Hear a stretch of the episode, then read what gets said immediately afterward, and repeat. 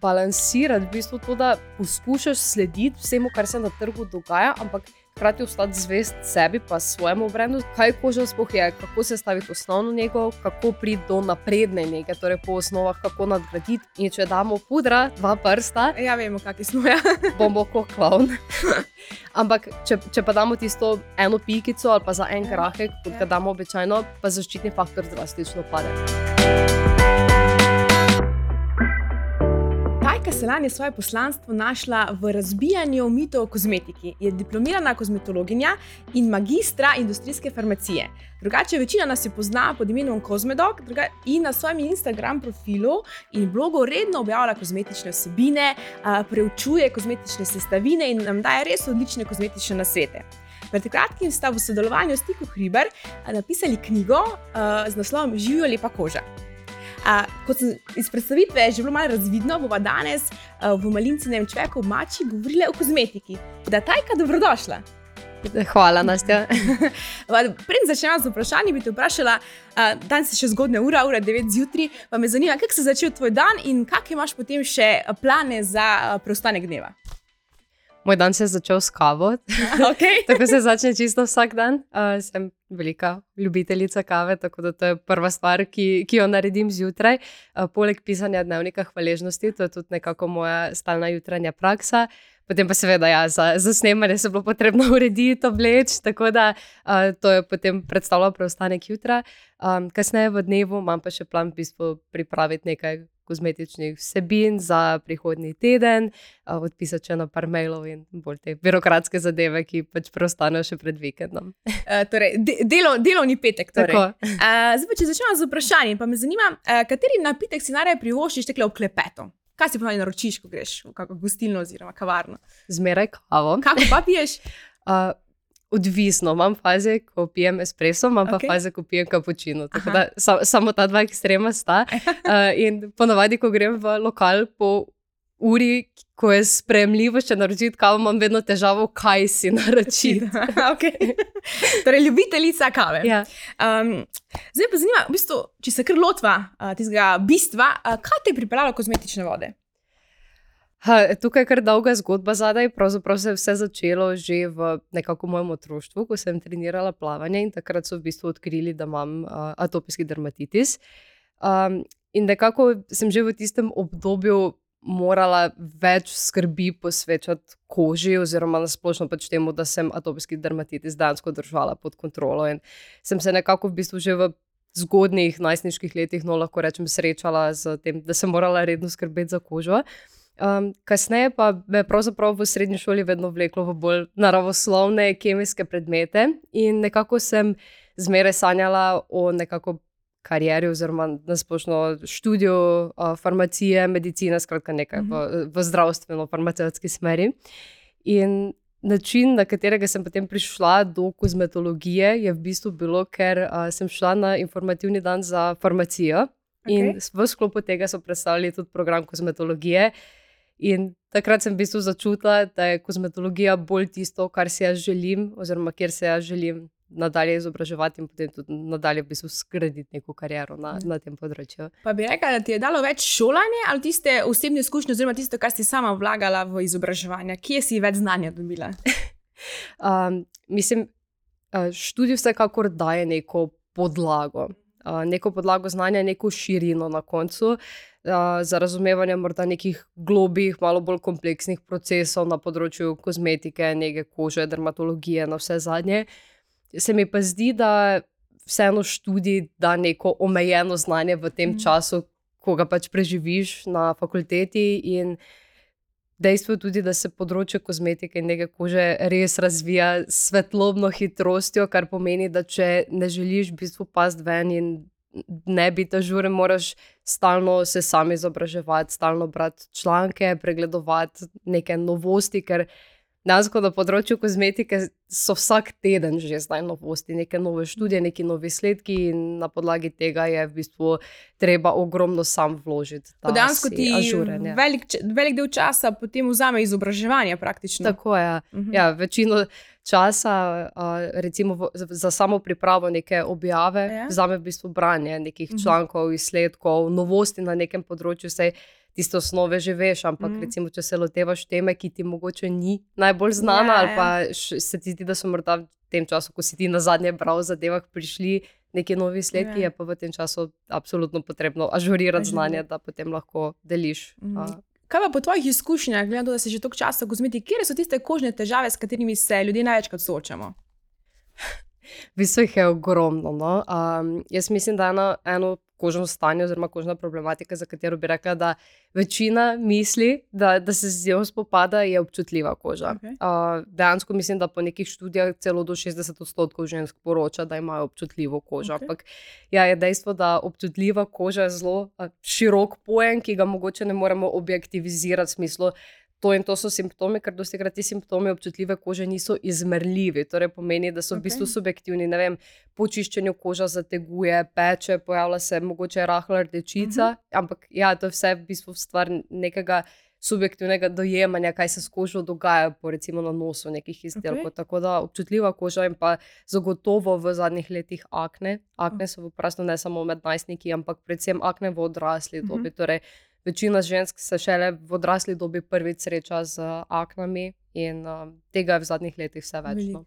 Kako pa se v bistvu loti? Mi se odločimo, da bomo bolj skrbeli za svojo kožo. Kaj je tisti prvi korak, ki ga moramo narediti? Ustrezno se informirati. No, ker Okej. um, se mi zdi, da potrošniki. Imamo fuleno željo, da bi nam kar bilo vse servirano na papirju, ne, ja. ja, da, bi, da bi vsi vse vedeli tako, in da bi šli samo v drogerijo in kupili prvi izdelek, in da bi ta izdelek absolutno bil prav, pravi za našo kožo. Dejstvo pa je, da v bistvu izbira ustrezne nege kože, ustrezne rutine se začne pri v bistvu ustreznem informiranju. Torej, Okej. pri branju tega, kaj sploh potrebujemo, torej kaj so tiste neke osnove, ki jih potrebuje absolutno vsaka koža, Mhm. torej neke tri osnovne korake, ki jih moramo vzpostaviti.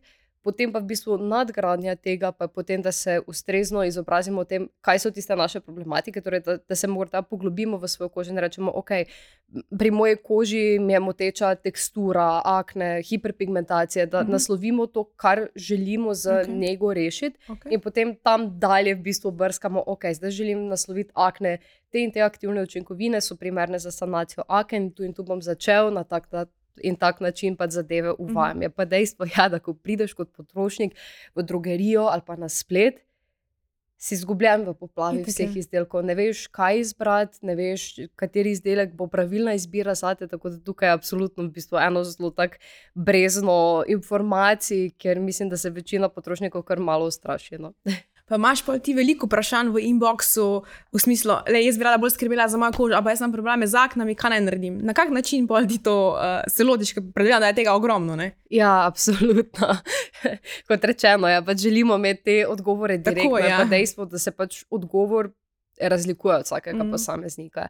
Um, ravno zato sem jaz pravzaprav. Uh, Dve, zdaj, že skoraj dve leti nazaj, sem se odločila, da začnem z individualnimi svetovanji, uh -huh. zato da lahko ravno te individualne težave vsakega okay. posameznika naslovim. Jaz sicer zmeraj rečem, jaz imam na profilu res, mislim, da 400 objav, kjer je ogromno informacij na vse tematike, in ponavadi potem um, naslovimo najprej neke osnove, potem pa pošljem še v bistvu, da pogledajo o aktivnih učinkovinah, o zadevah, ki se jih mogoče da na tem področju narediti. Absolutno pa so pač neka določena stanja, recimo akne, um, neke kožne bolezni, v smislu atopijske dermatitis, luskavica, so pa nekaj, kar je pač fajn tudi nasloviti s dermatologom, zaradi okay. tega, ker so bolj kompleksne problematike kot Aha. To, kar mogoče lahko zmeraj reši samo kozmetika. Ja.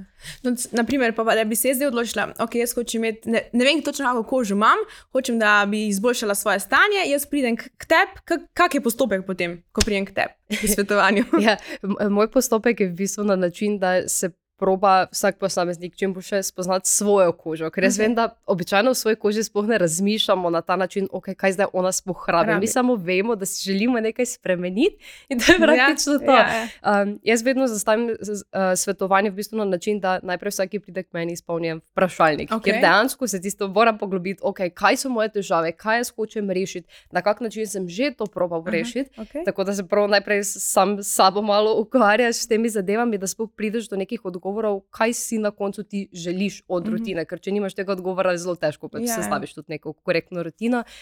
Um, potem v bistvu pogledamo uh, trenutne problematike, zgodovino te problematike. Recimo pri aknah je običajno že neka zgodovina, aken zdravljenja, uh, nekih poskusov doma z neko nego. Tako da absolutno je to vedno smiselno pogledati, mm -hmm. kaj je že bilo sprobano, kaj je delovalo, kaj ni. Zato ker se na podlagi tega absolutno pač enostavno je doreči neko smiselno yeah. Ja. rutino. Potem pregledamo, kaj posameznik uporablja trenutno za nego kože, um, kakšni so koraki, kje so tiste mogoče napake, ki so v trenutni rutini, ki mogoče tudi nekako zavirajo napredek.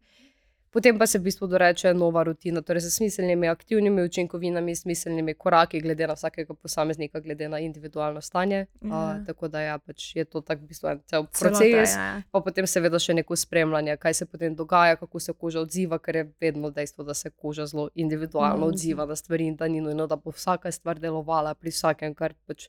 Jaz tudi zmeraj podarjam, da če bo meni en izdelek fajn, ni nujno, da bo tudi tebi, pa ni mm. nujno, da bo tudi komu, ki me bere. Pa se mu zdi izdelek sicer yeah. Ja. idealen, ampak vsak mora sprobati pri sebi in videti, v bistvu, če se izdelek na njegovi koži dejansko obnaša, kot bi si on želel. Mm.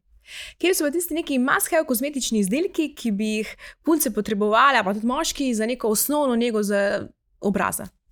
Um, Jaz mislim, da tukaj res ne potrebujemo veliko, pravzaprav za osnovno njego potrebujemo tri osnovne mhm. izdelke. Okay. Torej, um, eno dobro čistilo na vodni mhm. -huh. osnovi, torej, uh, v bistvu gre za to, da sledimo trem osnovnim korakom neke kože. Torej, čiščenje, vlaženje in zaščita pred uvesevanjem. To je pač tista res osnova za vzdrževanje zdrave kože, vse ostalo so potem samo dodatki, s katerimi okay. pravzaprav naslavljamo neke pridružene kožne problematike. Um, Tako da, ja, najprej čiščenje. Za, za ženske je vedno smiselno, glede na to, da običajno nosimo ličila in zaščitne kreme, uh mhm. -huh. da, bi, da uvedemo v, bistvu v večerno rutino metodo dvojnega čiščenja, kar uh mhm. -huh. pomeni najprej čistilo na oljni osnovi, s katerim raztopimo vse nečistoče make-up, zaščitno uh mhm. -huh. kremo, speremo in nadaljujemo z nadaljujemo z enim nežnim čistilnim gelom. Okay. Okay, po tem počiščenju to speremo, nadaljujemo z neko neutralno vlažilno kremo, torej z kremo dejansko poskrbimo za vlaženje kože, okay. zjutraj pa je nujna še pač zaščita pred uvesevanjem. Tako da glede čiščenja je tako, da se individualno odločamo, če ga prakticiramo zjutraj in zvečer ali mhm. -huh. samo zvečer. Zvečer je zmeraj nujno, torej da odstranimo vse nečistoče, ki se čez mhm. -huh. dan naberejo na koži. Medtem ko jutranje čiščenje je običajno priporočljivo samo za tiste z mastno, zelo nečisto kožo, ki je nagnjena k mašenju por.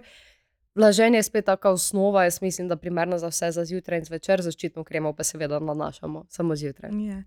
Uh, pred kakšni izzivi pa smo vrženi potrošniki in tudi ustvarjalci kozmetičnih izdelkov?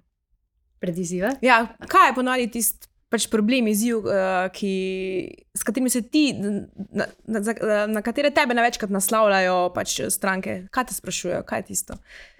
izziv je, kje je ja, to, kar so se prej povedali. Torej, ja, kje je začeti in pa kako v tej poplavi izdelkov res najti tistega, ki posate. Uh mhm. -huh. To je težko. Mm. Tudi, tudi jaz, ko grem v trgovino, prav, wow, pač vsakič je izbira večja, več je izdelkov, več je nekih kompleksnejših izdelkov, ki že naslovijo mogoče več problematik in kako zdaj zbrati spoh tistega, ki, ki bo res primeren za te. Mm. Sej tukaj res gre za to, da v tej vse poplavi izdelkov je najbolj.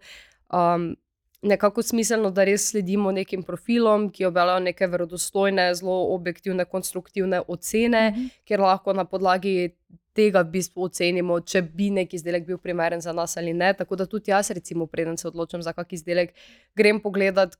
Na profile, ki jim zaupam, pogledam, okay, kaj oni pravijo o teh izdelkih, kakšne so neke specifikacije izdelka, uh -huh. in mhm. se potem na podlagi tega odločim, če mogoče bi mu dala priložnost ali ne. Kar se tiče proizvajalcev, yeah. Ja. um, jaz mislim, da imate v bistvu težavo v tem, kako um, balansirati v bistvu to, da poskušaš slediti vsemu, kar se na trgu dogaja, ampak hkrati ostati zvest sebi, pa svojemu brendu, zaradi tega, ker dejansko se po eni strani gre ta trend v dve strani. Ne? Ali greš v to, da res. Kreiraš izdelke, ki imajo posamične aktivne učinkovine, varianta The Ordinary, kjer imaš mhm. res vsako aktivno učinkovino posebej, ali pa greš res v kreacijo zelo kompleksnih izdelkov, kjer pa se spet potem sprašuješ, v bistvu srečuješ s vprašanji potrošnikov. Ja, a je zdaj to primerno za to in to problematiko, a je zdaj to primerno za mene, a je to prekompleksen izdelek. Mm -hmm. Tako da, ja, nekako to. V bistvu, ali greš res na čisto osnovne izdelke, ali pa greš res na neko kompleksno nego, ampak pomeni, da pač so vložki ful večji. večji ja. Se mi pa zdi, da tudi potrošniki zdaj v vse te poplave aktivnih učinkovin, TikTok trendih in vse dejansko iščemo neke kompleksne izdelke uh, in mislimo, da pač avtomatsko neke znamke, ki imajo osnovne izdelke, da, da so manj vredne, ali pa mm. da pač mogoče ne dajo toliko, ampak ni res, ne? ker tisti osnovni izdelki so še vedno zelo pomembni in so pač čista osnova, pod, ki jo potem šele nadgrajujemo z neko kompleksno nego. Yeah. Ja. Ti se tudi veliko ukvarjaš z samimi sestavinami v kozmetiki, pa me zanima, kako je tvoje mnenje v boju med temi naravnimi in konvencionalnimi sestavinami? Kje, kje si, na katerem polu si bolj, oziroma kako to kombiniraš? Mislim, uh, jaz sem osebno bolj na polu konvencionalnih mhm. sestavin, uh -huh. uh, čist z vidika neke praktičnosti in pa hkrati znanstvenega zaledja, uh mhm. -huh. ki ga imajo v bistvu konvencionalne sestavine. Uh -huh. um, z naravno kozmetiko ni popolnoma nič narobe. Jaz zmeraj pravim, da je pravzaprav izbira vsakega posameznika, če se bo odločil za naravno ali pa konvencionalno kozmetiko. Nič ni narobe, tudi če kombiniramo lahko en izdelek naraven, en izdelek konvencionalen, načeloma sta združljiva in ni s tem nič ja. narobe. Gre tukaj res za stvar osebne preference.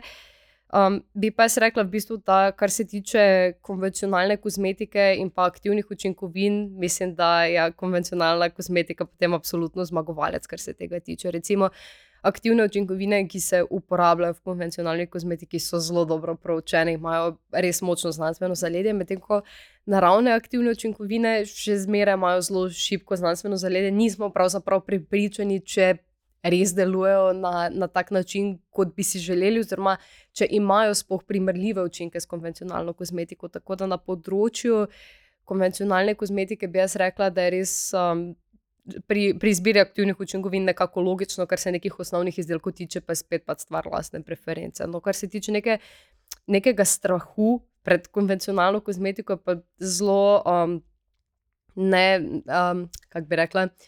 Ni potreben, no? uh -huh, okay. uh, ni se potrebno bati konvencionalne kozmetike, konvencionalnih sestavin, ker so dejansko varne. Uh, vsa kozmetika je v bistvu regulirana na enak način, vsa kozmetika gre čez iste varnostne teste, tako da v bistvu te sestavine so enako varne kot v bistvu naravne. Pa so kakšne sestavine, ki pa jih ti rečeš, tem se moramo pa res izogibati? Ne, okay. jaz mislim, jaz dejansko verjamem v to, da je kozmetika varna, da nas v bistvu zakonodaja na področju kozmetike zelo dobro ščiti pred uh mhm. -huh. nekimi potencijalnimi stranskimi učinki, ki bi jih lahko morda potrošnik v bistvu doživel ob uporabi kozmetike. Um, seveda pa vsakemu posamezniku svetujem, pač, da opazuje svojo kožo ob uporabi nekih novih izdelkov, ker lahko pa gre za kakšne individualne preobčutljivosti. V takih primerih pa seveda moramo paziti ne, oziroma mhm. se kakim sestavinam izogibati. Recimo, zelo pogoste so kakšne alergije na dišave, na kakšne posamezne konzervance ali pa mogoče tudi na kakšne kemične oziroma organske UV filtre.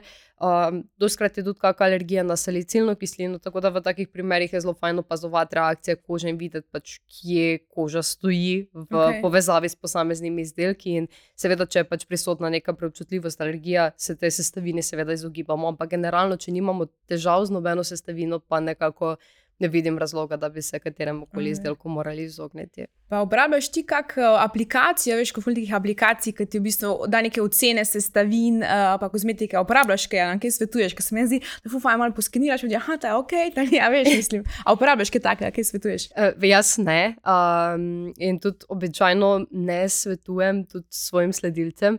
Ravno iz tega razloga, ker kaj delajo te aplikacije. Sej, jaz mislim, da so te aplikacije v bistvu zelo dobre, ker ustvarjajo informiranega mhm. potrošnika. Mm -hmm. Ker ti, ko, če se kot potrošnik odločiš, ok, jaz bom šel kupiti neki izdelek, pa bom dejansko preveril, kaj so sestavine. Torej, vem, če kupujem nek aktiven izdelek, želim, da ta aktivna učinkovina dejansko v izdelku. Recimo, če kupujem serum z vitaminom C, si ne želim, da bo tega vitamina C ni cela 3 odstotka, ampak mm -hmm. si res želim neko koncentracijo, v kateri bo izdelek dejansko deloval. Tako da z tega vidika absolutno podpiram uporabo teh aplikacij, z vidika, da se naučimo prepoznavati sestavine, kje, na katerem mestu na inci seznamu je aktivna učinkovina. Imajo um, pa te aplikacije, seveda, eno težavo, to rangiranje na varne in nevarne, uh mhm. -huh. ki pa ustvarja neko iluzijo, spet, da je konvencionalna kozmetika nevarna, ker okay. običajno v teh aplikacijah so naravni kozmetični izdelki rangirani kot bolj varni, konvencionalna kozmetika pa kot manj varna. Tako da, če damo v bistvu to rangiranje na stran, oziroma če ga uspemo pač kot potrošnik reči, okay, to, to dejansko ni merodajno, ker. Yeah.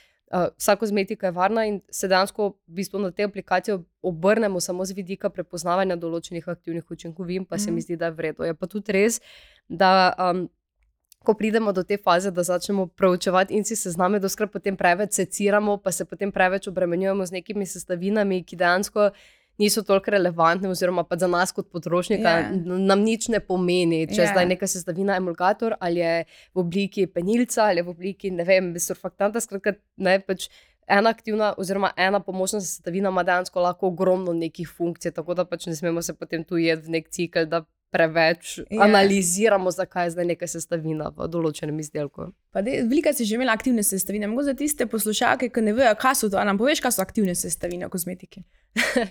Ja, v bistvu vse uh, definicije, sploh ne vem, če obstaja v bistvu Aha, neka okay. zares definicija, ampak jaz bi rekla, da aktivne sestavine so tiste, ki na koži delujejo na način, da pomagajo targetirati neko določeno problematiko, oziroma v bistvu pomagajo na nek način izboljšati stanje kože. Torej, Mhm. Aktivne sestavine so tiste, ki recimo pomagajo stimulirati sintezo kolagena, to so recimo retinoidi, kisline, vitamin C, ki pomagajo recimo posvetljevati uh, um, hiperpigmentacijo oziroma neke pigmentne madeže. So sestavine, ki povzročajo luščenje kože, torej eksfoliacijo, so sestavine, ki delujejo protimikrobno. Je pa tudi res, ne, da aktivne sestavine, lahko mi generalno rečemo, ok, vitamin C je recimo aktivna sestavina. Ampak, če je dodana v res neki mizerni koncentraciji, je bolj verjetno pač nek antioksidant v izdelku in je neutralna sestavina. Mm -hmm. Tako da, v bistvu, če je neka aktivna sestavina ali ne, določa tudi njena koncentracija na koncu okay. v izdelku, ne Razumem. samo pač, to, da je pač ta aktivna sestavina dodana, še ne pomeni, da je pač nujno tudi aktiv. Ja. Aha, okay. Zdaj pa eno tako vprašanje. In sicer me zanima, kater malinci in kozmetični izdelek bi izpostavljala, da ti je kul cool glede sestavin ali pa samega učinka. C15 A Ja. booster. Zakaj?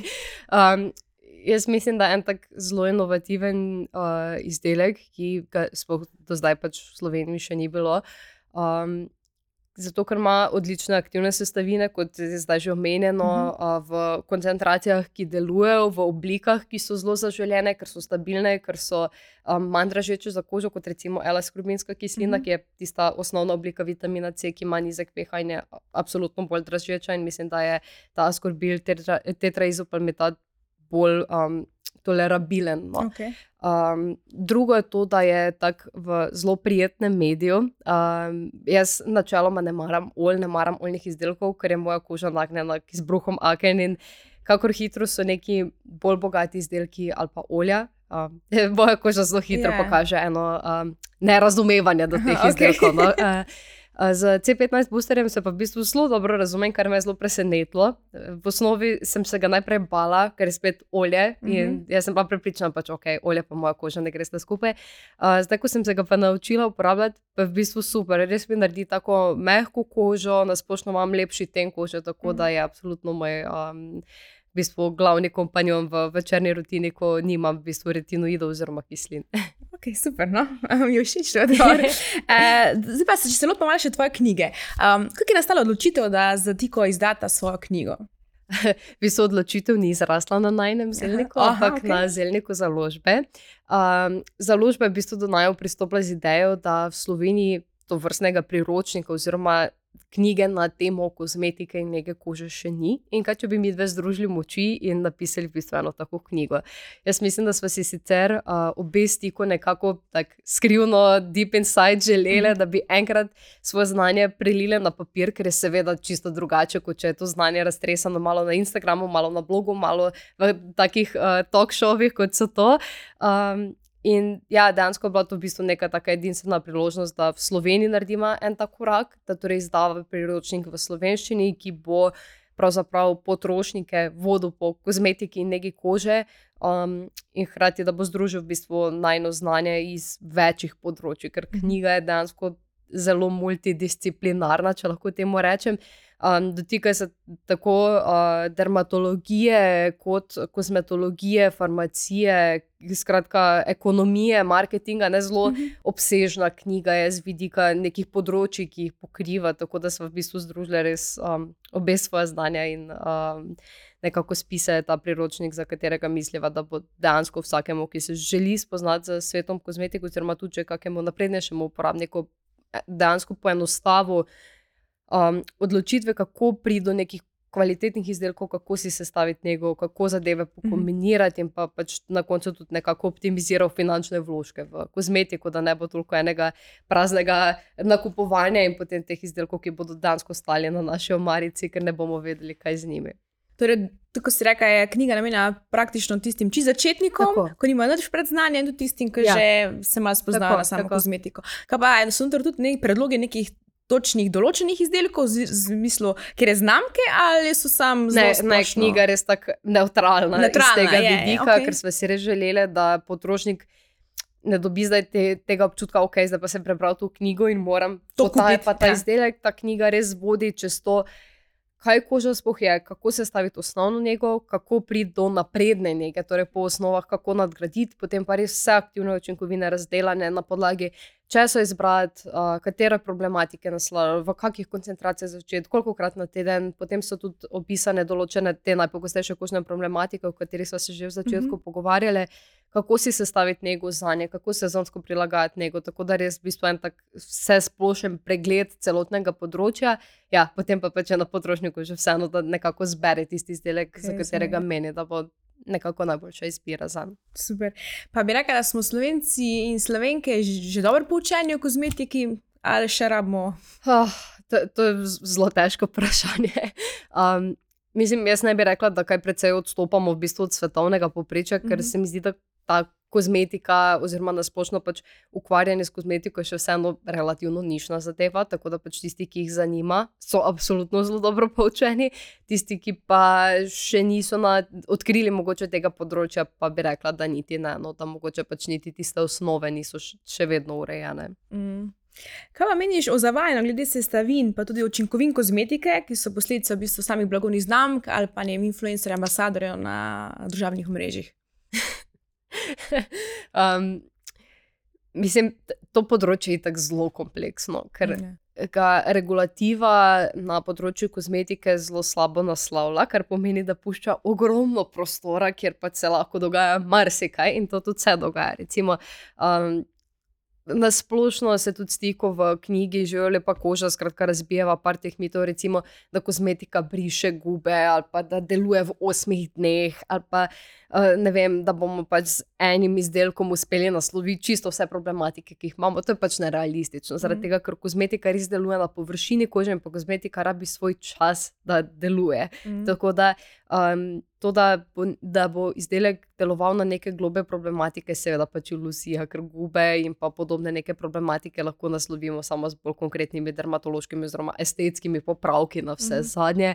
Um, s kozmetiko pa res lahko naslovimo bolj teksturo kože, stanje kože, da bo vse splošno bolj lepa in zdrava, um, ne pa toliko nekih globih problematik. Tako da, absolutno um, se bo moralo v prihodnosti na tem področju marsikaj spremeniti, ker mislim, da imamo potem tudi potrošniki ena zelo nerealna pričakovanja od mm. kozmetike. Vsak, ki pride, misli, ok, zdaj pa bom zbral eno kremo in ta krema bo naredila. Vse, kar sem jaz 20 let zanemarjal, ampak pač ta krema ne more zbrisati tistih starih yeah. nekih grehov na koži in pa tudi problemov. Um, tako da in mislim, da je pač tukaj odgovornost in na blagovnih znamkah, in pa pač tudi potem na vplivnežih oziroma ambasadorjih posameznih znamk, da vejo, kje je tista meja, oziroma kaj je še nekako zdravo, spremljivo komunicirati, kje pa potem že tisto nekako zavajanje potrošnikov. No, um, vsaj, mislim, jaz pač vem, da je to področje zelo, tako, si, zelo taka siva cona. Um, jaz vedno, ko v bistvu predstavljam neke izdelke, res gledam na to, da je proba ocena biti čim bolj subjektivna, uh, objektivna, objektivna. Objektivna. objektivna je, pardon. Da res se predstavijo plusi izdelka, minusi izdelka, za koga je ta izdelek namenjen, kdo bi lahko imel nekaj od tega izdelka, Mhm. kakšne problematike naslavlja. Um, in mislim, da je to tista ocena, ki jo potrošnik v bistvu rabi, da dejansko zbere izdelek na podlagi neke konstruktivne ocene. Torej, da se odloči, ok, mogoče pa bo vseeno ta izdelek za mene, mora pa imeti vseeno neko zavedanje, da pač, če ta izdelek meni všeč, da ni nujno, da bo tudi njemu. No. Tako da Ja. to se mi zdi, da je pač glavno, da se zavedamo, ne samo da rečemo, ta izdelek je fajn, lep, super, eh, iz danes na jutri mi je Ja. deloval, ker se mi zdi, da potem potrošnik ta izdelek kupi. In ta izdelek njemu mogo, mogoče pa ne ustreza enako kot je pa nekemu vplivnežu, in avtomatsko bo to dalo slabo luč in na tega vplivneža, in pa mm. potem tudi na znamko. Yeah. Ker bo dejansko potrošniku se bo znamka zamerila, ker bo rekel, ok, nekdo mi je obljubljal, da bo ta izdelek zbrisal gube in ta izdelek yeah. meni tega ni naredil. In bo avtomatsko slaba luč na celi znamki, in pa tudi na vplivnežu. Mm. Tako da z neko konstruktivno oceno v bistvu. Um, je potrošnik bolj nagnjen k temu, da tudi če moj izdelek ne bo ustrezal, rekel, ok, se sem vedel, da mogoče pa ta izdelek ne bo za mene, sem mu dal priložnost, mogoče bom pa dal kakšno priložnost še vseeno drugemu izdelku te mm -hmm. znamke. Zdaj, če se eno vprašanje, ki me zanima, tak, uh, z, z, v smislu. Gremo v trgovino, naprimer. se mi zdi, da v, zadnjem, v zadnjih letu, dve se fulj veliko govori o vitam, vitaminu C. Uh -huh. In ko gremo zdaj v trgovino, meni se zdi, da jaz posod vidim kreme, ki ima vitamin C.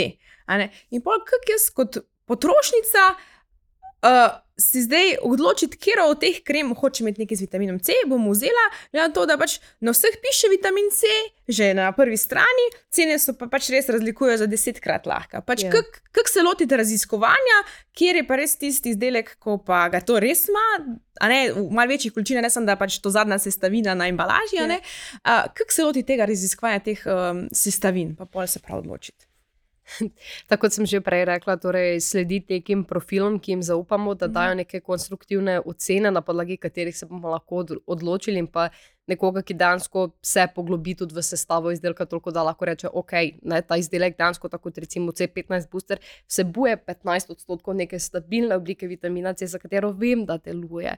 Um, tukaj gre seveda pač za zelo široko področje spet um, ki ga in naslovljamo v knjigi Vitamin C, zelo tako razdela na to yeah. Ja. aktivno učinkovino. Tudi jaz imam na blogu en prav vodič po vitaminu C, ker je to um, v bistvu.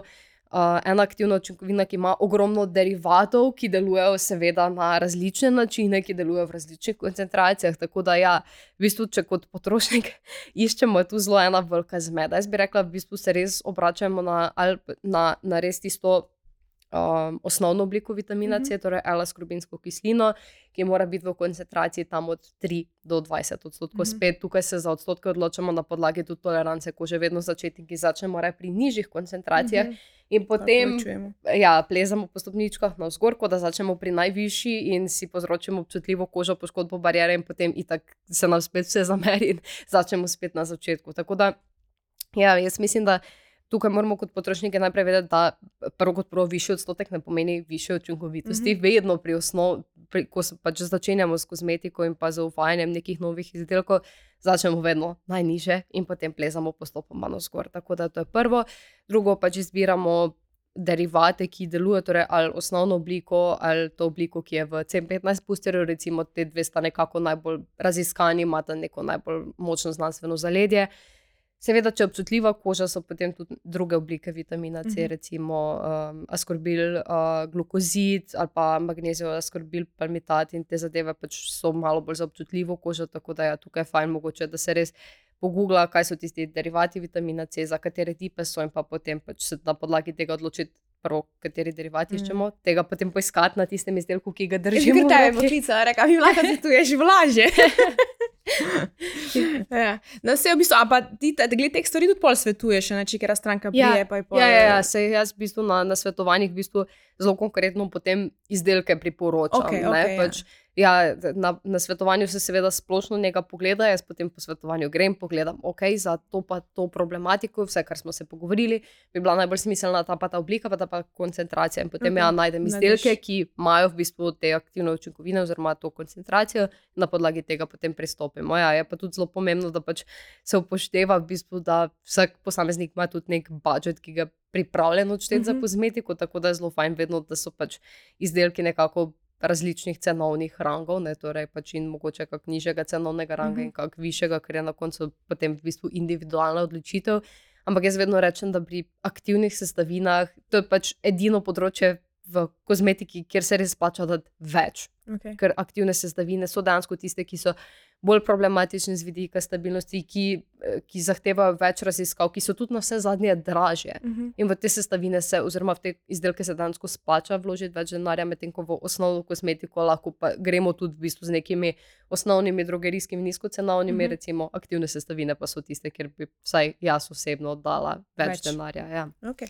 Zdaj pa za na konec me zanima, če imaš kakšen nasvet za vse tiste, uh, ki želijo izboljšati svoj videz kože, uh, ali pa če imaš kakršen koli tisto evo, zaključno misel, uh, ki se ti zdi pomembno, da jo vsi slišimo. Moja zaključna misel bo ta misel, ki se vleče tudi čez celo knjigo. Um, z, to je en zelo enostaven korak, ki ga potrošniki nočemo slišati, ampak uh, zelo enostaven način, kako izboljšamo stanje kože z redno uporabo kreme z zaščitnim faktorjem. Zakaj? Ker uvesevanje zelo negativno vpliva na našo kožo, uh, na stanje naše kože, na teksturo in pa na tudi globe strukture v koži, na kolagen, elastin. Skratka, dolgoročno pravzaprav poškoduje našo kožo. Ne? In, um, v bistvu, če mi začnemo z redno uporabo zaščitne kreme, že v zgodnjih 20-ih smo naredili največ, kar smo lahko na anti-agingu. Ker dejansko, ko se dotaknemo v bistvu samega staranja kože, kar se mi zdi, da ženske mi najbolj želimo nasloviti. Um, 80 do 90 odstotkov staranja povzročeno strani uvesevanja. Mm. Torej, dejansko to lahko preprečimo. Seveda, vsi se staramo in koža se bo starala, ampak na kak način se bo postarala, pa lahko zelo v bistvu vplivamo na to, če začnemo z redno uporabo zaščitne kreme. Seveda, tudi če pri 50-ih začnemo, ni prepozno, nikoli ni prepozno. Mm. In Jaz sem imela v bistvu na svetovanjih ogromno žensk, ki so nad 40, nikoli niso uporabljale zaščitne kreme in so rekli, da ne vem, v enem ali pa v dveh letih, odkar so začele uporabljati zaščitno kremo, se je koža bistveno izboljšala. Zato, ker koža ima potem čas se izboljšati, biti zdrava, lepa, sijoča, ne pa se boriti vsak dan proti tem radikalom, ki v koži nastajajo zaradi um, nezaščitenega izpostavljanja. Tako da. Zdaj, zdaj, zdaj še jaz ne morem zaključiti, zato imam še dva pod vprašanja, ki se tičejo a, zaščitne kreme. In sicer me prvo zanima na nos. Torej, ti vedno predlagaš, da se da ne vem, zjutraj neka vlažilna krema, potem zaščitna, pa potem pa puder. A je Mhm. tak vrstni red, tako drugače? Ja, to je vrstni red. Ja. Okay. Zaščitna krema gre vedno zadnja med negovalnimi izdelki, potem pa gre dekorativna kozmetika. Okay. Ja, tako da, um, v bistvu zjutraj tudi ni nujno, da je vlažilna krema pod zaščitno, to je Mhm. zelo spet odvisno od tipa kože, od problematik. Okay. Tako da jaz generalno priporočam, recimo, spoh v zimskih mesecih, večina rabi kombinacijo, poleti pa tudi lahko samo zaščitna krema in potem dekorativna kozmetika. Okay, drugo vprašanje. Um, a je dovolj, naprimer, da ima puder zaščitni faktor, ali mora biti še prej zaščitna krema? Ne, puder nikoli nima dovolj zaščitnega Aha, okej, faktorja. dobro. Mislim, lahko tudi vzamemo, ne vem, BB kremo, ki ima zaščitni faktor 30-40 Okej. okay. in se to sliši v bistvu zelo dosti. Ne? Mhm. Super, ne? To- jaz to sem zdaj zelo Ja. zaščiten. Problem je, ker um, mogoče pač to še ni toliko komunicirano strani uh, znanstvenega dela uh, kozmetike. Um, na kakšni količini se testira zaščita izdelkov? Okay. To je 2 mg na kvadratni centimeter kože. Da si to damo v prakso, to pomeni v bistvu ena četrtina čajne žličke Mhm. za obraz. Dva polna prsta zaščitne kreme, zato da mi dosežemo zaščitni faktor, ki je naveden na embalaži. Aha. Okay, ja. In če damo pudra, dva prsta, ja, vemo, kakšni smo. Ja. bomo kot klovn. Ampak, če, če pa damo tisto eno pikico ali pa za en Ja, krahek, kot ja. ga damo običajno, pa Ja. zaščitni faktor drastično pade. Okay. Če mi damo recimo polovično količino dveh prstov, uh -huh. torej en prst, Ja. ja. se zaščitni faktor zmanjša za več kot polovico. Uh -huh. Mhm. Kar pomeni, če imamo SPF 40, bo mogoče SPF 15 pri enem okay. prstu, en grahek, zelo Je verjetno nič, bo ja. SPF 2, Praktično, mogoče ja, ja. v optimističnem scenariju. Okay. Ne, Torej, pomeni, zaščitno kremo, ja, pa, pa ja, puder. ja, v, v pravilni količini pa tudi ne se strašiti v bistvu zaščitne kreme. Ker Mhm. Ja, vem, da, da se mogoče sliši, da okay, je to zdaj pol pretiravanje s to Mhm. -huh. količino, ampak um, generalno, ko najdemo vredno zaščitno kremo in pa jo zvečer dobro odstranimo, uh -huh. Bo v bistvu se super obnesla tudi na koži. Ker večino je strah to, da jim bo pacala pore, da jim bo povzročila več aken. To preprečimo z ustreznim čiščenjem kože zvečer, kot smo že na začetku govorili, torej dvojno čiščenje, zato Mhm. da dejansko raztopimo vse nečistoče.